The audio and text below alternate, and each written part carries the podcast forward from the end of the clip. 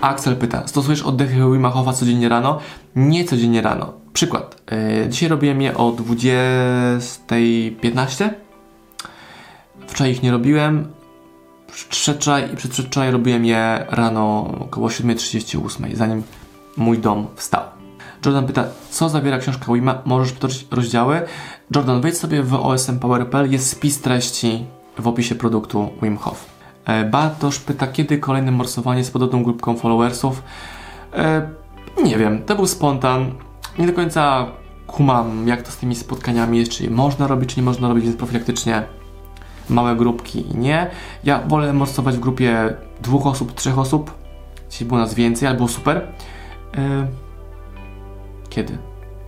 Może jakieś bilety, bilety za to wprowadzę, jak będzie miał sens biznesowy, to będziemy to robić. A zobaczymy, zobaczymy, zobaczymy. Agata pyta, czy codziennie robisz oddechy, czy wtedy, kiedy tego potrzebujesz? Ja próbowałam miesiąc, dzień w dzień, ale potem straciłam regularność, pyta Agata Kołsut. No, słowo klucz regularność i długoterminowość. Czy robię to codziennie? Nie. Jeżeli widzę, że mam gorszą noc, albo bardziej wymagający dzień, albo potrzebuję tego boosta, to tak. Wim Hof, jak i Scott Carney rekomendują robienie tego codziennie. Więc jeżeli w 2021 roku zrobię na przykład 250 dni Wima Hofa, a nie 365, to będzie spoko.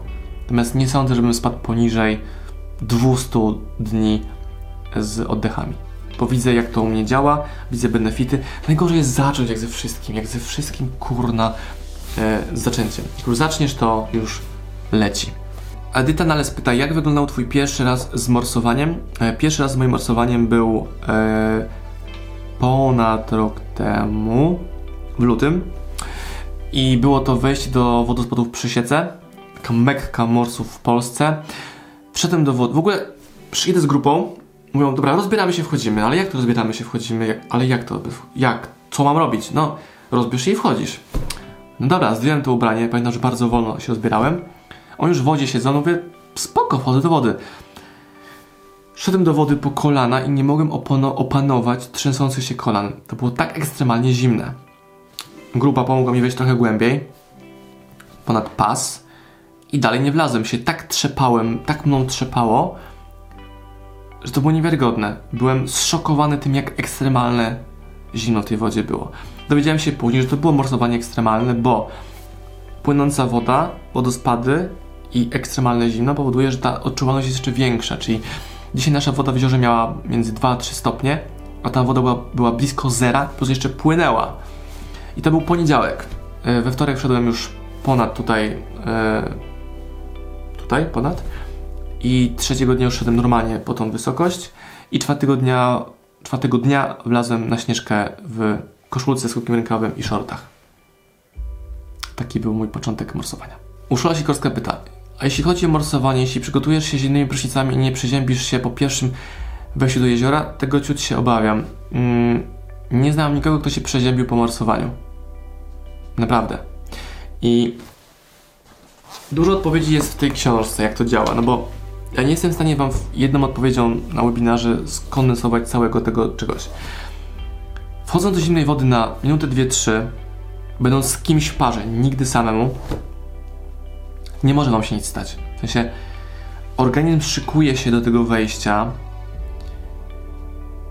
i głowa szykuje ciało tak, żeby to przetrwać. I teraz cała sztuka polega na tym, żeby potrafić uspokoić te reakcje Jezus Maria umrę uspokoić te reakcje. Bo jak je uspokoisz, to energia, którą twoje ciało wykorzystywało wcześniej na Jezus Maria umrę pomocy, jest wykorzystywana na ogrzewanie Twojego ciała. I to jest tak, że wchodzisz do wody, czujesz uderzenie tego zimna, umysłem, oddychaniem uspokajasz wszystko hmm? i czujesz spokój. Czyli celem na pierwsze wejście jest wejść do wody, potąd i poczuć ten spokój. Przy pierwszym wejściu pewnie będzie trwało z półtorej minuty, może minutę. Yy, Im więcej razy wchodzisz, tym ten spokój pojawia się szybciej. Daspen, jak z morsowaniem dzieci, czy można próbować 7-letnim synem? Nie mam tej wiedzy, nie wypowiadam się, nie wiem. Widziałem ludzi, którzy morsują dzieciakami, ale sam tego nie robiłem, więc nie wiem. I też się tym jeszcze nie interesuję, bo moja oliwka jest za mała przynajmniej przez jeszcze rok. Ale czy wejdę z nią wody za rok? Do zimnej? Za rok? Chyba spróbuję. Uszula Lach pyta, czy na zwiększenie energii to tylko morsowanie? Nie tylko. Mi pomaga właściwy partner, czyli Kamila Kruk. Najlepsza kobieta na świecie, najlepszy wspólnik i najlepsza żona. Yy, według moich potrzeb i moich, moich potrzeb, naszych potrzeb, naszego tego miksu, jaki stworzyliśmy sobie w OSM Power. Yy, właściwi ludzie, robienie tego, co, co lubisz, e, eksperymentowanie, duża liczba eksperymentów w zakresie biznesu, marketingu daje Ci swobodę w tym wszystkim, co się teraz dzieje i jak sobie to poukładać. Pieniądze dają również energię, bo nie martwisz się tym, jak wstajesz rano, za co zapłacisz rachunki, bo je masz opłacone. Więc taki miks. Ewa Chladun. Ze względu na lockdown zaczęłam moją przygodę z zimnymi kąpielami, ale w wannie codziennie rano już od kilku dni. Czy Twoim zdaniem jest to porównywalne? Hmm.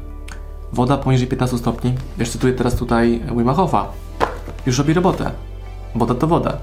Jest trochę inny klimat, jak sobie idziesz do jeziora, bo jest przyroda, las, zwierzęta, wszystko. To jest fajne. No ale jak nie masz, to robisz co możesz robić, więc szacun za, za wannę. Wiecie co, gdyby nie lockdowny i te inne rzeczy, to byśmy zrobili bicie rekordu Guinnessa w ilości morsujących osób trzymających książkę. Taki mam pomysł, ale to chwilowo się chyba nie zadzieje, ale kto wie, kto wie, kto wie. Edyta, które książki polecasz jako naj, naj do odkrycia swojej życiowej misji? E, książki Pressfielda, do roboty na przykład, książka, oraz książka Kamili Kruk, Kim jesteś? Najmocniej książkę Kamili Kruk, Kim jesteś, bo jest to książka z ćwiczeniami, więc tam nie czytasz, tylko robisz. Te dwie, y, dwóch autorów, Kamila Kruk i Steven Pressfield. Tomasz Ziebura pyta, jak znajdujesz motywację do rzeczy, których nie masz kompletnie ochoty robić? Pierwsze pytanie, czy te rzeczy na pewno muszą być zrobione? Drugie pytanie, czy mam kogoś, komu mogę te rzeczy wydelegować? Jeżeli je muszę robić, nie mam komu wydelegować, to je po prostu robię. I na tym polega bycie dorosłym. Czyli robisz rzeczy, które trzeba zrobić. Czy mi chce się wynosić śmieci? No nie, ale wolę wynieść je zanim będą mi śmierdziały i same wyjdą. Czy yy, znam przykład ludzi, którzy mają problem z wystawianiem faktur, że jak ja nie lubię wystawiać faktur i nie szukają sobie kogoś, komu mogą to wydelegować i jednocześnie robią projekt, nie mają tej osoby do faktur, tej faktury nie wystawiają, przez to ich biznes słabo wszędzie. Mają klientów kilkadziesiąt tysięcy albo kilkaset tysięcy yy, nawet niewierzytelności, bo faktury nie wystawili jeszcze. Ale no nie lubią tego robić. I czegoś nie lubisz robić, to pytanie, czy możesz to wyeliminować? Możesz kogoś tego zatrudnić, aby ktoś to dla Ciebie robił? Jak już zostaje to dla Ciebie na końcu, no to znaczy, że trzeba to zrobić. Na tym polega bycie dorosłym. W mojej ocenie.